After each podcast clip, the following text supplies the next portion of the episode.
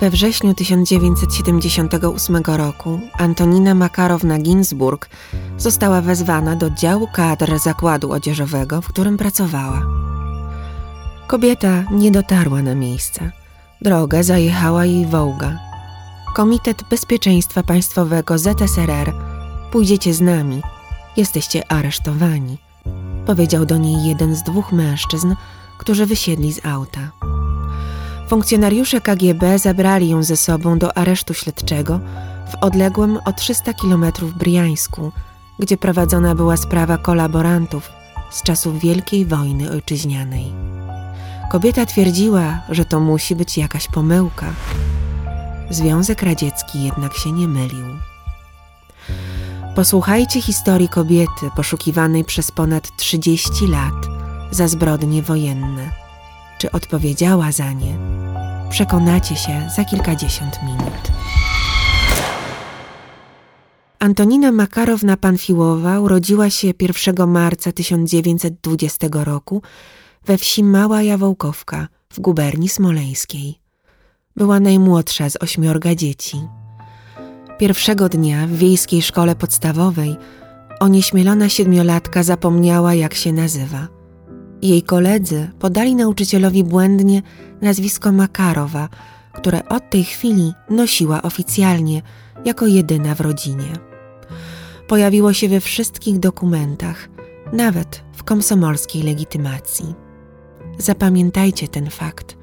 Jest dość istotny w historii Tońki. Z nieznanych przyczyn rodzice nigdy nie skorygowali zmiany. Pewnie nie chcieli walczyć z radziecką biurokracją, oczywiście nieomylną. Antonina skończyła podstawówkę z przeciętnymi wynikami w nauce. Raczej lepiej dawała sobie radę w dziedzinach humanistycznych, geografii i historii niż ścisłych. Maturę zdała już w Moskwie. Podobno planowała studiować medycynę, a nawet dostała się na studia medyczne – i podobno jej idolką była CKM-istka Anka z filmu Czapajew. Obraz, należący do arcydzieł kinematografii radzieckiej, miał swoją premierę w 1934 roku. Do kin ustawiały się kolejki, by w 17. rocznicę rewolucji październikowej zobaczyć na wielkim ekranie jej bohaterów, charyzmatycznego dowódcę oddziału Armii Czerwonej, Czapajewa i ochotniczkę Ankę, która strzelała z legendarnego karabinu maszynowego Maxim. 22 czerwca 1941 roku Niemcy zaatakowały Związek Radziecki, swojego dotychczasowego sojusznika w II wojnie światowej. Antonina Makarowna zgłosiła się na ochotnika do Armii Czerwonej i została sanitariuszką. Przeszkolono ją także do walki na froncie, i do obsługi karabinu maszynowego. Miała szansę stać się bohaterką wojenną, niczym filmowa Anka. Jednak dokonała zupełnie innych wyborów. Posłuchajcie. Gdy w październiku 1941 roku toczyły się walki na Białorusi, jej jednostka walcząca pod Wiaźmą i Jelnią została okrążona i rozbita. 380 tysięcy ludzi zostało zabitych lub rannych, 600 tysięcy trafiło do niemieckiej niewoli, w tym dwudziestoletnia Tońka. Po kilku dniach przetrzymywania na polu otoczonym drutem kolczastym, dziewczyna wraz z innym żołnierzem, Nikołajem Fietczukiem, uciekli i postanowili dostać się do rodzinnej wsi chłopaka. Ukrywali się przez kilka tygodni – Przeszli razem ponad 320 kilometrów, jedząc byle co i licząc na pomoc ludzi w mijanych wsiach. Nie dołączyli do partyzantów. Chcieli uciec od wojny. Nie wiedzieli, że było to niemożliwe. Ciężkie przeżycia i wspólna niedola zbliżają ludzi. Tak było i tym razem. Nikołaj bardzo szybko zdobył ciało i serce dziewczyny. W styczniu 1942 roku, kiedy nabrali pewności, że nikt ich nie będzie szukał, mężczyzna po prostu zostawił Antoninę samą w lesie. Odszedł do swojej rodziny, żony i dzieci, które mieszkały niedaleko we wsi Krasnej Kaładziec. Tońka błagała mężczyznę na kolanach, by został z nią. Na darmo. Nikołaj wyrwał się z objęć zrozpaczonej dziewczyny i poszedł swoją drogą. W końcu ona też wyszła z lasu. Miejscowe kobiety pomagały jej doraźnie, byle coś zjadła, przespała się i poszła sobie. Ukrywanie żołnierzy Armii Czerwonej karane było przez Niemców natychmiastową śmiercią przez rozstrzelanie. Poza tym kobietom nie podobał się rozwiązły tryb życia byłej czerwonoarmistki. Makarowa wpadła w ręce kolaborantów na terenie Republiki Łokockiej. Rosyjska prawda podaje, że kobieta, sypiając z kim popadło i z każdym, kto chciał ją przygarnąć na nocleg, sama postanowiła dołączyć do kolaborujących z Niemcami policjantów, którzy mogli zapewnić jej schronienie. W zamian za pracę dla nich miała szansę przeżyć. Początkowo pracowała jako prostytutka – Potem przesłuchiwała i torturowała pojmanych partyzantów. Robiła to bardzo gorliwie i z przekonaniem. Wkrótce miała wykonywać inne zadanie. Czekała na nią fucha kata. Jeszcze w styczniu 1942 roku podjęła się pełnej kolaboracji z Niemcami. Przewieziono ją do malutkiej miejscowości Łokoć we wschodniej Białorusi, niedaleko Briańska, która przez dwa lata począwszy od 15 listopada 1941 roku, pełniła funkcję stolicy samozwańczej Republiki Łokockiej na terenie okupowanym przez Wehrmacht. Władze samorządu były w 100% rosyjskie i podporządkowane Niemcom. Nie chcę zagłębiać się w rolę tego quasi państwowego tworu, gdyż historycy spierają się do dziś, na ile Rosjanie z Łokocia w pełni popierali politykę okupanta. W każdym razie Tońka trafiła do policji, kierowanej początkowo przez 46-letniego starostę Konstantina Pawłowicza Woskobojnika. Po jego śmierci z rąk partyzantów dowództwo przejął 43-letni Bronisław Władysławowicz Kamiński. Formację utworzono z jeńców wojennych z Armii Czerwonej i kryminalistów – Początkowo był to rodzaj samoobrony przed grasującymi dezerterami rabującymi wsie. Kiedy do Łokocia weszli Niemcy, nadali istniejącej grupie charakter zorganizowanej jednostki, najpierw jako policji porządkowej, potem przekształcono ją w rosyjską wyzwoleńczą Armię Ludową, w skrócie RONA, która w szczytowym momencie liczyła sobie 20 tysięcy żołnierzy. Armia miała 15 czołgów, działa i moździerze. Republiki broniły także wojska niemieckie i węgierskie. Bronisław Kamiński, znany później jako Kat lub rzeźnik Ochoty, stanął na czele nie tylko oddziałów, ale całej Republiki Łokockiej. Syn zruszczonego Polaka i Niemki, inżynier z Podwitebska, od 1917 roku trzymający z bolszewikami, dopiero co wyszedł po trzech latach z gułagu, skazany za krytykowanie kolektywizacji wsi. W więzieniu donosił na współwięźniów bezpiece. W Łokociu pracował jako inżynier w gorzelni. Teraz miał pod sobą obszar zamieszkiwany przez ponad pół miliona ludzi. Republika Łokocka, która miała pokazać, jak można żyć bez komunizmu, w istocie była karykaturą ZSRR. Mimo zniesienia kołchozów i przywrócenia własności prywatnej, struktury były podobne, tylko inne nazwy. Ta sama dwulicowość i hasła, które pięknie brzmiały na papierze w lokalnie wydawanej gazecie Głos Ludu. Obowiązywała godzina policyjna i zakaz swobodnego przemieszczania się po terenie republiki.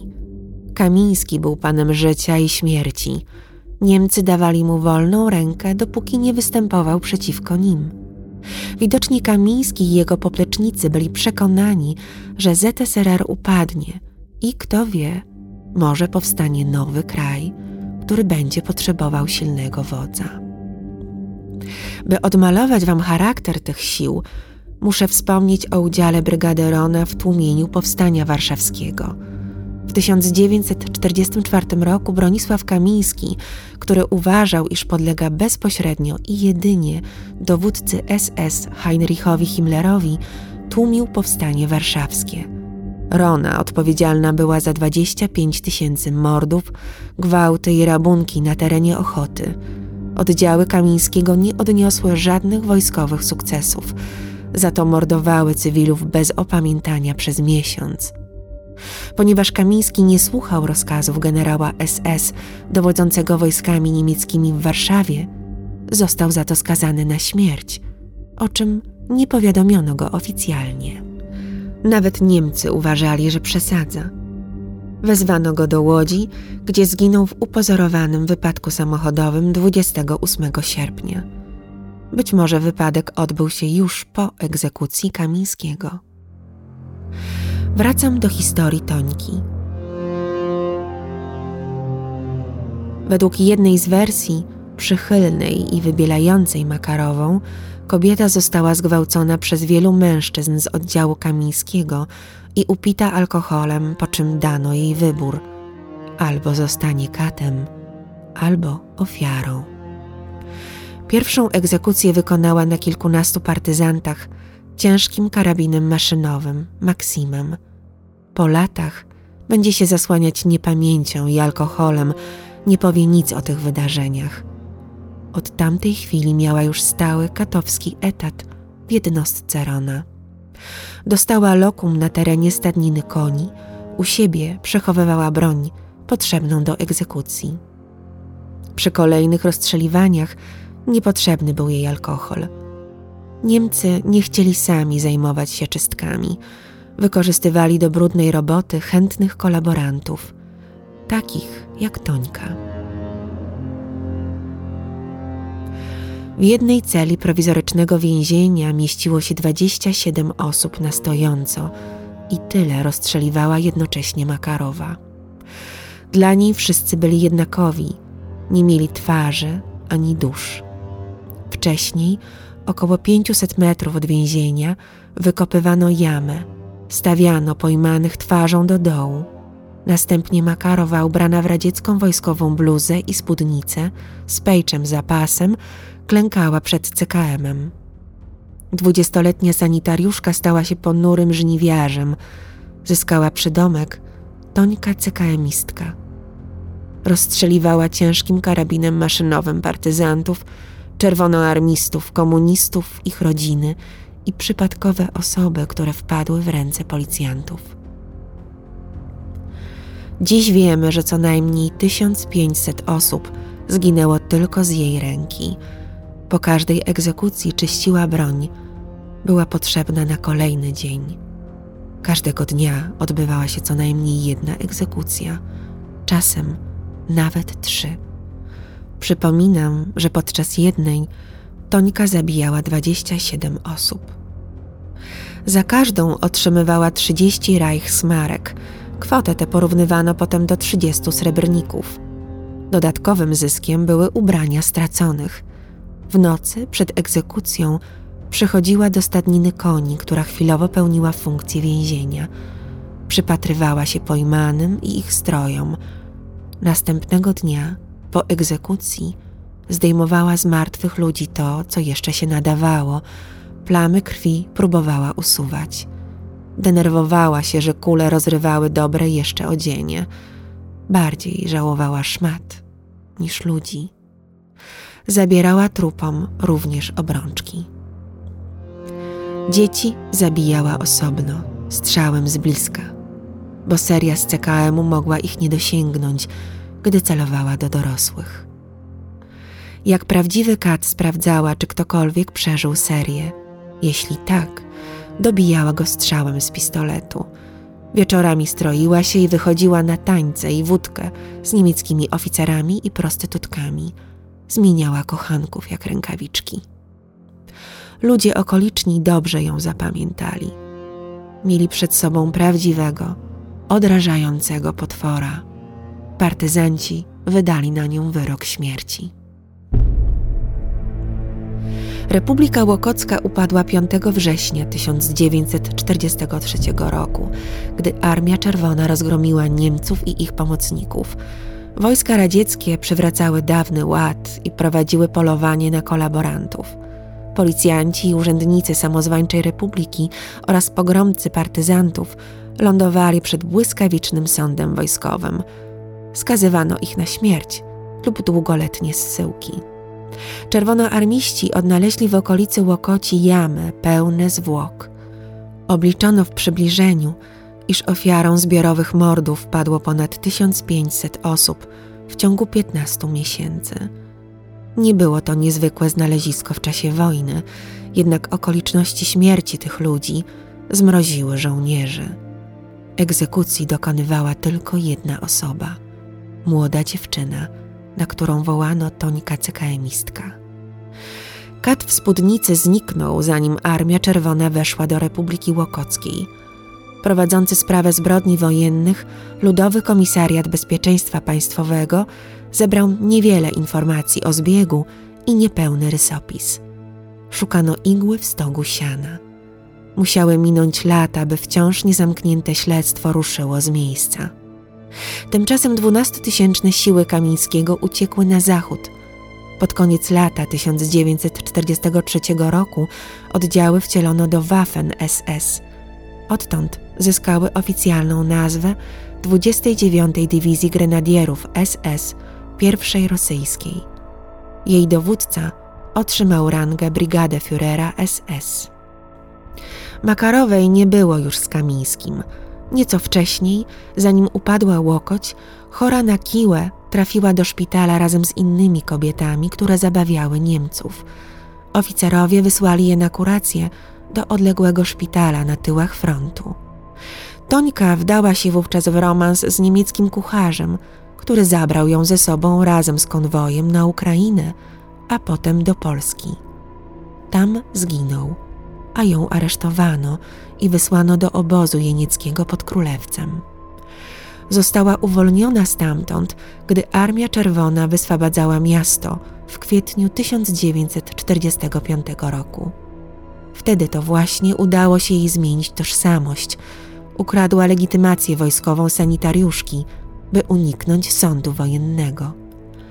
Kłamała, że do 1943 roku służyła w 422 Batalionie Sanitarno-Medycznym. Ponownie została sanitariuszką i pracowała w radzieckim szpitalu polowym. Zmieniła się. Była skryta, cicha. Po dawnej zabawowej, okrutnej dziewczynie nie było śladu. Maskowała się wyśmienicie. Wyszła za mąż za młodego sierżanta Wiktora Ginsburga, który został ranny podczas szturmu na miasto. Pobrali się kilka dni po poznaniu w szpitalu.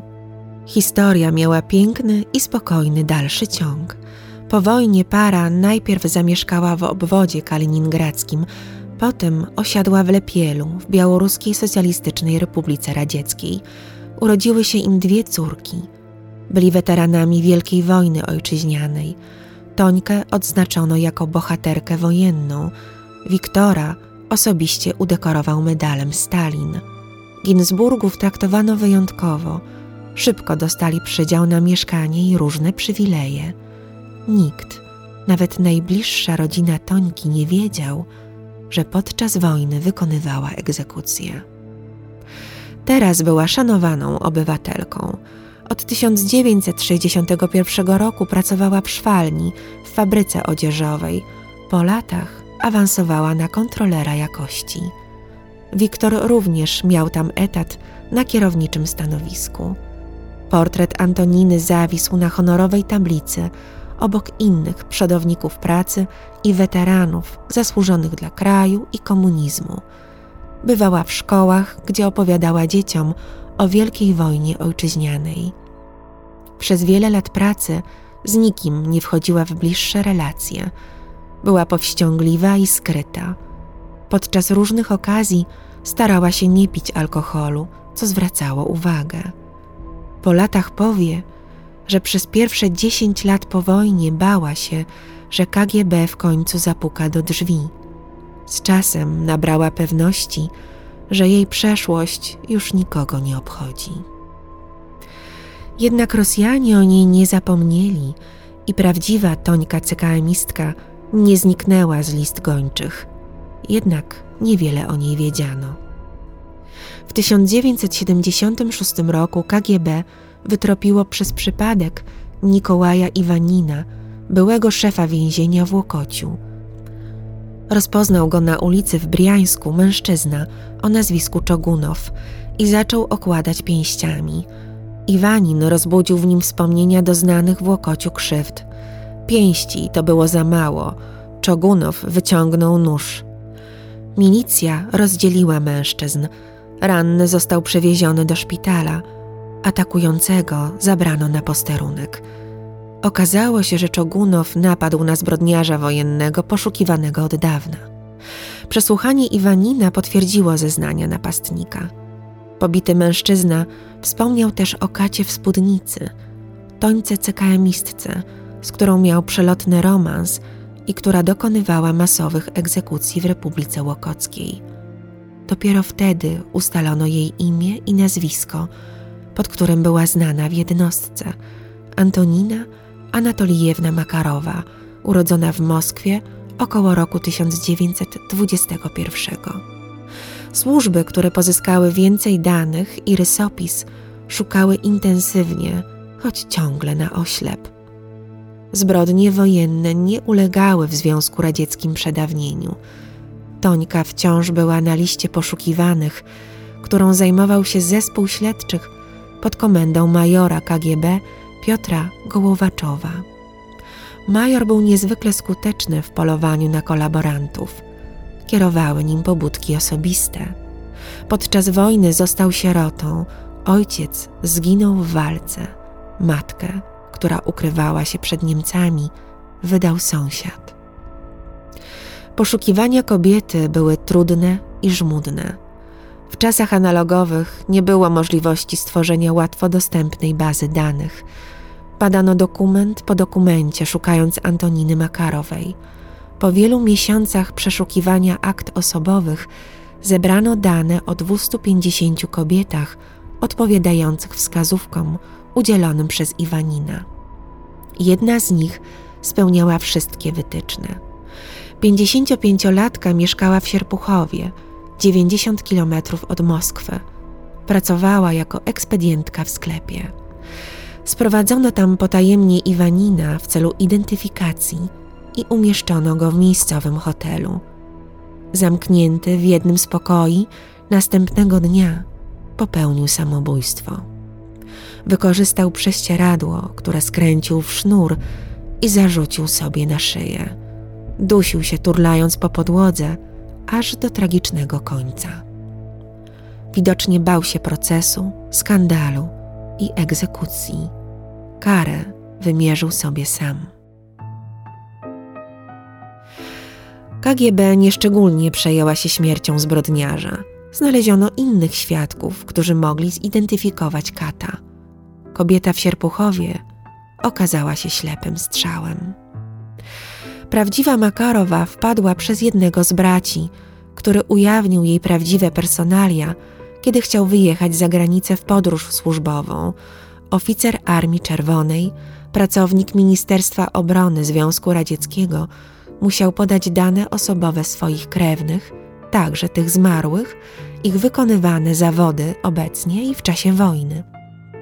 Wskazał, że ma siedmioro rodzeństwa, wszyscy noszą nazwisko Panfiłow, poza Antoniną Makarową, która obecnie nazywała się Ginsburg.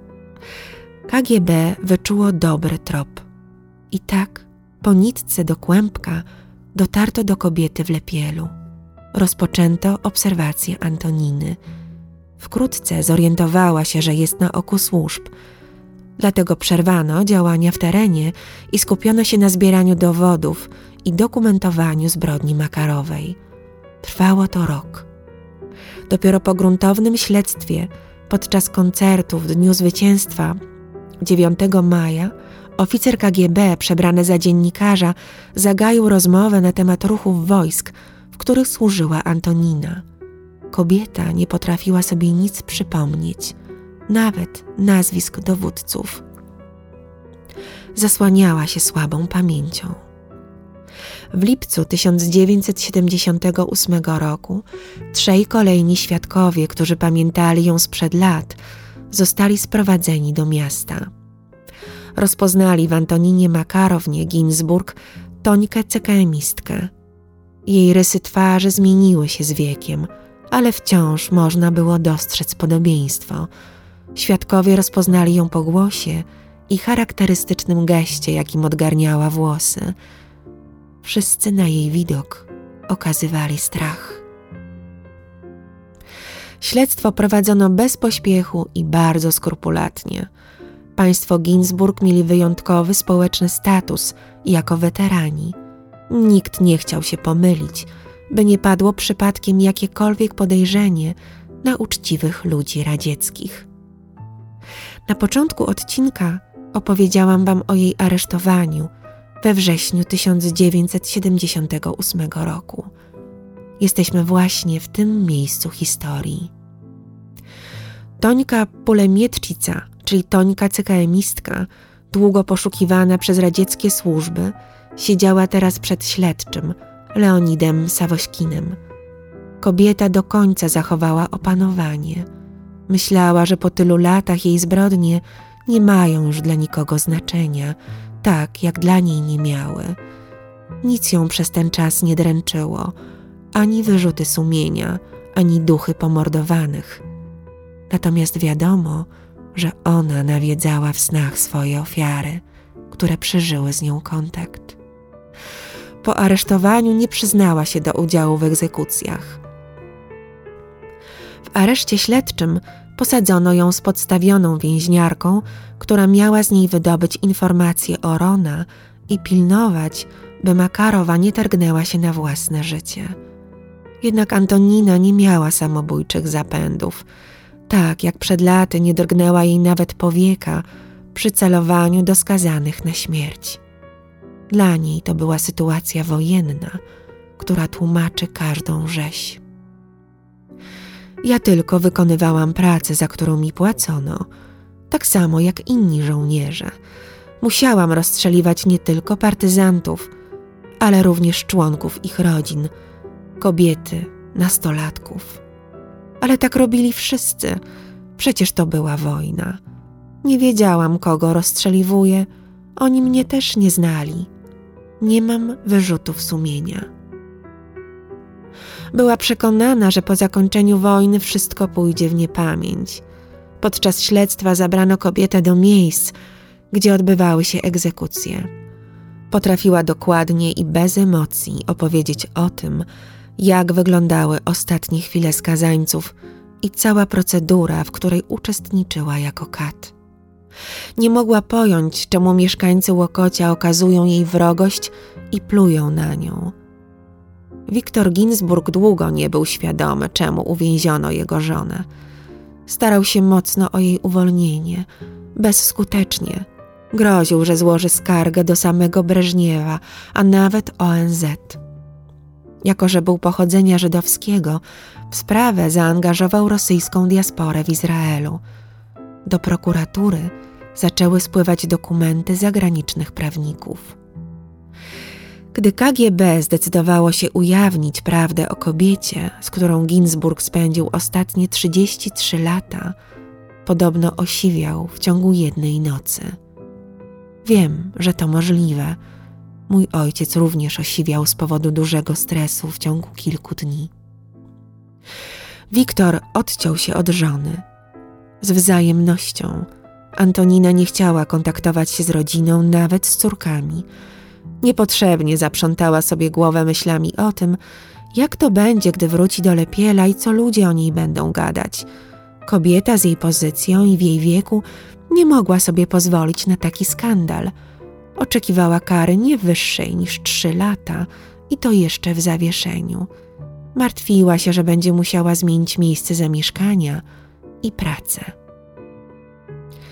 20 listopada 1979 roku sędzia sądu obwodowego w Briańsku Iwan Bobrakow uznał ją winną zamordowania 168 osób. Tyle tożsamości ofiar zdołano ustalić po latach. Skazana za zdradę ojczyzny i przejście na stronę wroga Makarowa, usłyszała wyrok śmierci. Przyjęła go ze spokojem. Tego samego dnia napisała prośbę o łaskę do Komitetu Centralnego Partii i innych władz. Prosiła o zamianę kary śmierci na więzienie. Oczywiście partia nie zamierzała zmienić zdania, mimo iż sami śledczy różnie oceniali jej czyny. Sawośkin upatrywał w niej wcielenie zła. Gołowaczow współczuł kobiecie, która chciała za wszelką cenę przeżyć. 59-letnia Antonina Makarowa-Ginsburg została zastrzelona o 6 rano 11 sierpnia 1979 roku. Strzałem w tył głowy zakończono historię Tońki cykaemistki. Była jedną z trzech kobiet, na których wykonano wyrok śmierci w Związku Radzieckim w okresie poststalinowskim. W 1983 roku stracono malwersantkę socjalistycznego majątku Bertę Borotkinę, w 1987 roku seryjną trucicielkę Tamarę Iwaniutinę. Obecnie akta Makarowej przechowywane są przez FSB, następczynie KGB. Dostęp do nich jest ograniczony. Rodzina kobiety nie była ścigana za jej zbrodnie i nie wyniosła się z lepiela. Uważa się, że Tońka była kobietą, która zabiła najwięcej osób w historii.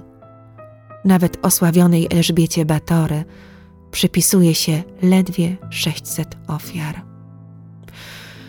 To już kolejna dramatyczna historia, którą opowiadam Wam i która doczekała się finału po latach. Nie ma zbrodni doskonałej, nawet w wirze wojny. Nie ma litości dla zbrodniarzy, nawet kobiet, które zwyczajowo w wielu krajach nie są skazywane na karę śmierci. Gdy opowiadam wam losy Tońki CKM-istki, toczy się wojna na Ukrainie. Rodacy Makarowej właśnie dokonują czynów, które możemy uznać za zbrodnie wojenne. Wierzę, że za nie odpowiedzą prędzej czy później, a na pewno ich psychopatyczny dyktator.